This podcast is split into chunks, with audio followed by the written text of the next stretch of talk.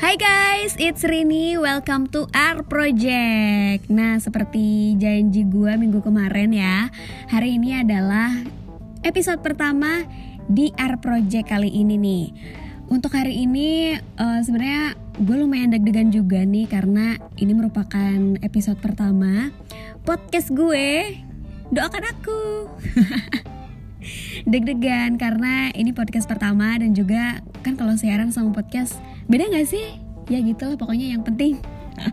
Yang penting gue mau membicarakan sesuatu yang memang udah terjadi atau sedang terjadi sama gue nih. Mungkin kalian juga lagi ngerasain hal yang sama sama gue. Apakah itu? Jadi emang segala sesuatu itu pasti ngalamin yang namanya hari pertama atau pengalaman pertama ya kan? Termasuk yang gue alamin kali ini adalah pengalaman pertama menjadi seorang anak kantoran. Wih kalau dulu tuh kayak waktu kecil ngebayangin ngebayangin waktu kecil kayaknya jadi anak kantoran tuh keren banget gitu. Terus kayak wow aja gitu kan uh, pengen deh gitu jadi anak kantoran tapi setelah uh, setelah beranjak dewasa apalagi pas kuliah ya ternyata gue mengalami atau menghadapi kenyataan nggak langsung jadi anak kantoran. Ya iyalah kan masih kuliah ya. Jadi kayak pas masih kuliah tuh kayak masih freelance freelance siaran radio uh, kalau digabung kayaknya udah tiga tahun. Nah ini merupakan pengalaman pertama banget gue menjadi seseorang anak kantoran yang gue sendiri sih lumayan ini ya lumayan shock gitu. Karena walaupun sebenarnya dari awal itu pernah uh, pernah magang juga sih cuman ini kan bener-bener real gitu. Gue direkrut gue menjadi seorang employee fix gitu. Oke okay, sebelum gue cerita pengalaman pertama gue menjadi seorang anak kantor gue mau cerita dulu dari interviewnya dulu deh jadi gue interview kerja. Gue kerja di Jakarta uh, salah satu TV berlangganan di Jakarta lah ya di Palmerah. Gue interview itu tanggal 22 Mei 2019 yang which is pada tanggal 22 Mei itu lagi ada kayak demo-demo rusuh gitu loh karena gue nggak mengikuti berita gue tahu beritanya gitu tanggal 22 itu ada demo segala macem. Cuman gue nggak tahu sericuh itu gitu. Jadi ya udah gitu gue cuek aja tanggal 22 tetap datang. Dan memang mencurigakannya adalah si stasiun Tanah Abang dan stasiun Palmerah itu kereta nggak boleh lewat gitu nggak boleh masuk kan. Jadi kereta itu cuman bisa sampai uh, Manggarai gitu. Jadi lumayan tuh dari Manggarai ngegrab sampai Palmerah lumayan lumayan jauh dan ya lumayan mahal juga sih gitu. Dan pas nyampe kantor itu uh, situasinya masih siang dan itu si demo dan si rusuhnya itu masih berlangsung. Pas gue nyampe kantor tuh yang wawancara gue yang interview gue tuh kayak oh kamu datang ya? gitu. Karena memang dari awal nggak tahu uh, yang mau interview gue nya lupa ngasih tahu atau gimana jadi nggak ada ngasih tahu reschedule atau gimana gimana gitu. Nah kita kan sebagai orang yang dipanggil untuk interview kan excited gitu seneng gitu. Bodo amat deh tantangannya apa pun tetap datang gitu kan. Pas gue datang dia kayak wah kok mbaknya datang ya? Katanya gitu. Tanggal uh, tanggal 22 katanya. Terus ini kan lagi rame-rame gini mbaknya nggak kenapa-napa katanya. Nggak takut segala macem lah gitu. Dia yang panik. Gue yang kayak biasa aja gitu uh, pas gitu juga dia bilang wah ini bisa jadi nilai tambah juga sih mbak. Katanya karena dengan situasi kayak gini tetap menyempatkan hadir segala macam. Dalam hati ya kita butuh gitu kan gimana? Oke okay lah gitu. Terus uh, akhirnya interview tetap berjalan gitu walaupun ada satu uh, yang interview sebenarnya harus ada dua orang, cuma satu orangnya lagi itu nggak masuk gitu karena ya itu peristiwa 22 Mei itu. Dan emang kantor keadaannya kayak lumayan sepi gitu pegawai-pegawai yang lain juga banyak yang nggak masuk gitu. Sementara gue yang cuma interview aja ya tetap berusaha gitu buat melewati semua tantangan itu gitu. Tapi emang alhamdulillah di jalan nggak kenapa-napa gitu cuman emang situasinya lagi genting lah saat itu Hmm, wawancara, interview berjalan uh, dengan lancar gitu, pertanyaan segala macam. Habis itu udah pulang dan sebulan kemudian dipanggil lagi buat interview sama HRD-nya, nego gaji ceritanya. Dan ini gue bener-bener bego, bener-bener bego banget sih. Bisa cenderung goblok sih kayaknya ya. Karena apa? Karena ini tuh bener-bener pengalaman pertama gue kerja yang namanya uh, awal-awal siaran atau sebelumnya siaran itu kan ya udah kita siaran uh, misalnya bayarannya segini gitu. Kayak oke okay lah gitu. Dan gue juga di kantor di sini gue ngiranya juga ya udah gitu gaji yang udah ditetapkan ya udah gitu. Dan gue ih gila gue bego banget. Dan gue tuh nggak nggak kayak nego-nego gaji gitu loh padahal sebenarnya bisa sebenarnya bisa gitu. Dan gue tuh karena nggak tahu karena bego dan emang nggak cari tahu. Ya itu sih yang begonya gue nggak cari tahu gitu. Interview sama HRD tuh ngapain aja. Gue cuman fokus kayak oh gue harus ngomong ini ini ini gitu. Gue kayak kuasain perusahaannya. Kuasain perusahaannya. Kuasain materi perusahaannya kayak gitu gitu kuasain uh, materi tentang bidang yang akan gue jalani nanti kayak gitu gitu loh. Jadi gue nggak ada kepikiran uh, gaji segala macam karena gue mikirnya juga ya udahlah ini pengalaman pertama gue terus uh, ya udahlah gitu. Dan gue juga liatnya sebenarnya nominalnya ya lumayan lah gitu. Nggak yang nggak yang kecil banget nggak yang gede banget juga cuman ya pas lah buat gue. Cuman yang nyeseknya itu pas tahu ternyata ya bisa gitu Rin. Lo tuh bisa menego cuman ya udahlah nggak usah disesali juga karena ya setidaknya ya itu cukup banget lah buat gue untuk untuk hidup untuk ngekos untuk jalan-jalan mungkin ya untuk makan lah segala macam itu cukup banget. Um, setelah itu setelah menyadari kebegoan itu tuh sebenarnya H plus berapa ya? H plus 3 apa H plus 2 gitu setelah setelah interview interview yang kedua itu. Karena besoknya itu gue langsung gue langsung masuk gitu langsung masuk disuruh kerja. Dan yang lebih ribetnya lagi adalah administrasi. Karena KTP gue kan gue kan domisili di Bogor. Pokoknya ribet banget deh domisili di Bogor. Terus abis itu KTP gue tapi bukan KTP Bogor KTP gue KTP Cianjur gitu. Jadi kayak bikin NPWP bikin SKCK segala macam itu ribet banget di, uh, jadi ribetnya karena emang belum bikin dan gue harus bikin saat itu juga karena besoknya harus masuk kerja. Gue bikin di Bogor nggak bisa karena emang KTP-nya nggak sesuai ya.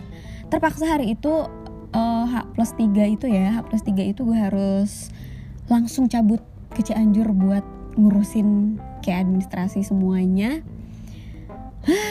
Pas nyampe Cianjur ternyata kayak cuman kayak 5 menit gitu buat ngurusin NPWP dan lain-lain jadi gitu ya guys. Buat kalian yang belum lengkap administrasinya kayak apa namanya kayak uh, eh, NPWP terus juga dan lain-lain bikin dari sekarang gitu. Apalagi kalau lo emang uh, eh, KTP-nya tuh nggak sesuai sama domisili mumpung mungkin sekarang lagi santai dibikin apa namanya dibikin dari sekarang gitu. Jangan sampai kayak gue ribet sendiri pusing sendiri jadinya. Oke lah semua administrasi sudah selesai semua urusan selesai. Masuk kerja seperti biasa gitu kan. Masuk uh, hari hari pertama apa hari kedua gitu. Masuk. Ini hari pertama dulu deh. Hari pertama masuk tuh gue kayak ngerasa anak PKL anak magang. Terus kayak ya nggak tahu mesti ngapain gitu yang linglung ini gue ngapain ya? Gitu. Karena memang uh, kayak belum dikasih listnya gitu job desk gue apa aja gitu. Jadi uh, mereka juga atau atasan gue kayak ny masih nyuruh ya udah kamu pelajarin dulu tentang si ya perusahaan inilah gitu. Kayak nonton nonton YouTube-nya terus juga pokoknya pelajarin uh, semua yang berhubungan sama job desk gue nantinya gitu. Kayak script writer dan voice voice over karena gue job desknya atau posisi gue adalah voice over sama script uh, script writer jadi gue kayak baca-baca skrip yang dulu-dulu terus denger VO-VO yang dulu-dulu kayak gitu sih awal-awal. Cuman emang awal-awal itu gila awkward banget gitu. Karena uh, kontras banget gitu kayak di dunia sebelumnya di radio yang emang ya tanda kutip freestyle lah gitu. Terus juga sekarang tuh kayak yang agak kaku gitu karena emang beda banget gitu suasana kerja juga beda banget. Orang-orang sebenarnya kalau orang-orang uh, beda cuman nggak beda-beda banget sih. Kayak suasana kerja ya kalau di radio kan kita selalu ngobrol hahaha gitu kan kerjaannya dan dengerin musik di, musik di mana-mana kenceng gitu kan.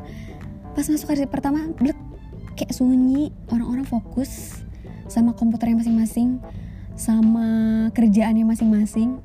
Gue sempat yang kayak sepi banget ya gitu. Kayak aneh gitu kayak aneh aja nggak nggak nggak nggak kayak biasanya. Mungkin emang rada kaget aja di situ. Nah terus juga hal-hal uh, yang kayak gue baru baru tahu gitu. Kayak sekarang ternyata kerjaan lebih rapi gitu ada wonderlist ya. Itu gue juga gue baru tahu gitu. Ada aplikasi namanya wonderlist asli baru tahu. Karena emang emang pengalaman pertama banget gitu.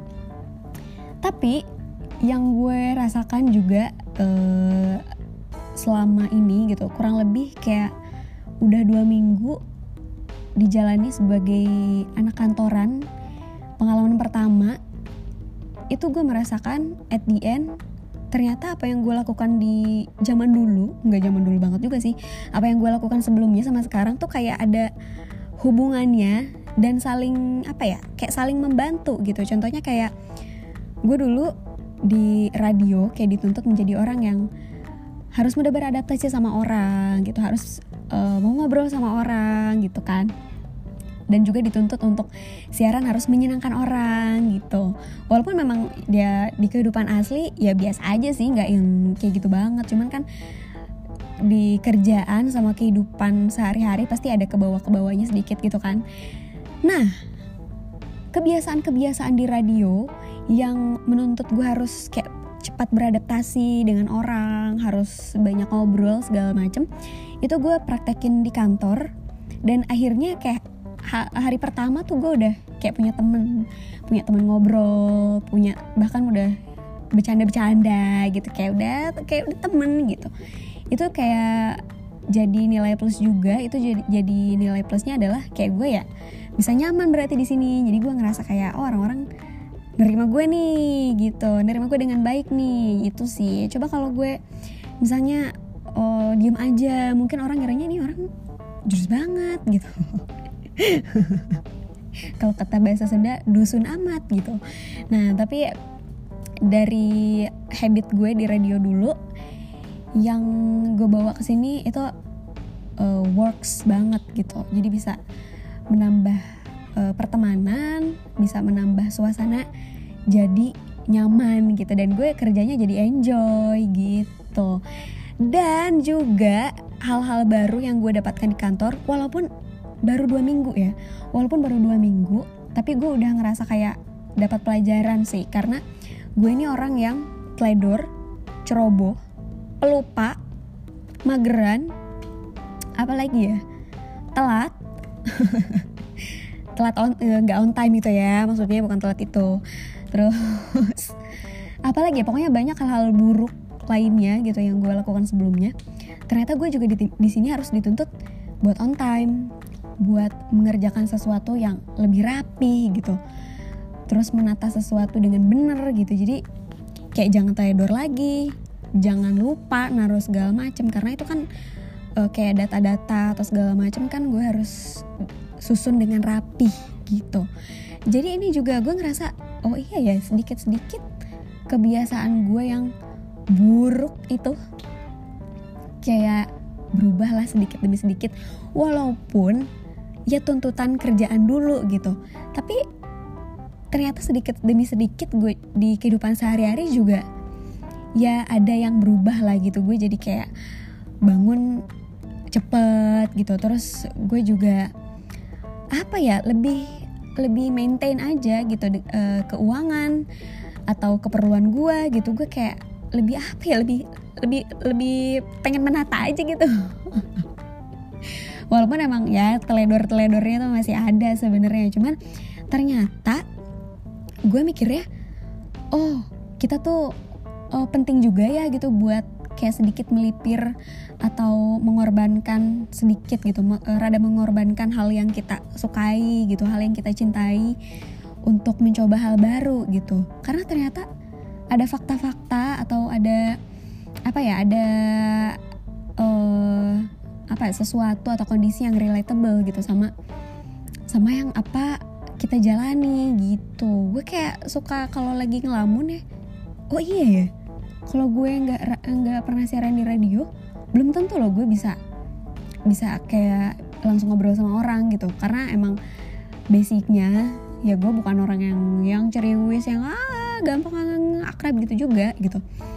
Nah dari radio yang bisa gue ambil ilmunya bisa gue terapin di sini. Dan emang posisi gue juga voice over jadi banyak banget ilmu yang gue dapetin dari si uh, radio ini gitu. Jadi apa ya gitulah ternyata semakin beranjak dewasa semakin uh, berjalan waktu semuanya kayak berubah gitu serius banget ya. Pokoknya gitulah uh, itu pengalaman pertama gue menjadi anak kantoran. Rasanya enjoy.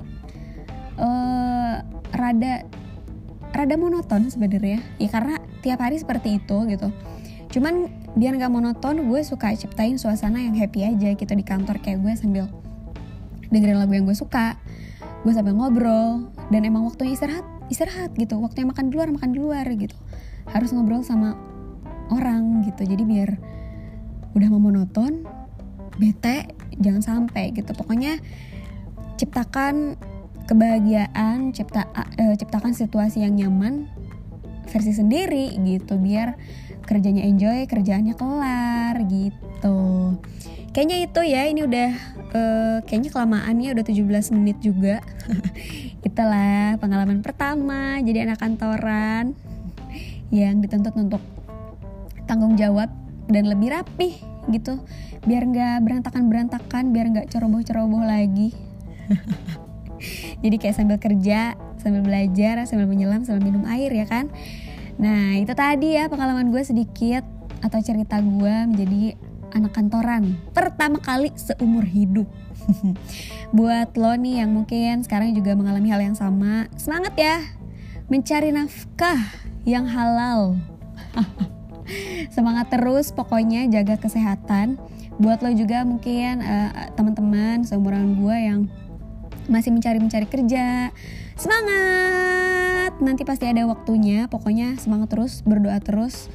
Lo pasti berhasil pasti sukses semuanya. Gitu deh pokoknya. Bingung lagi closingnya kayak gimana. Pokoknya sampai ketemu lagi di episode kedua Art Project. Bye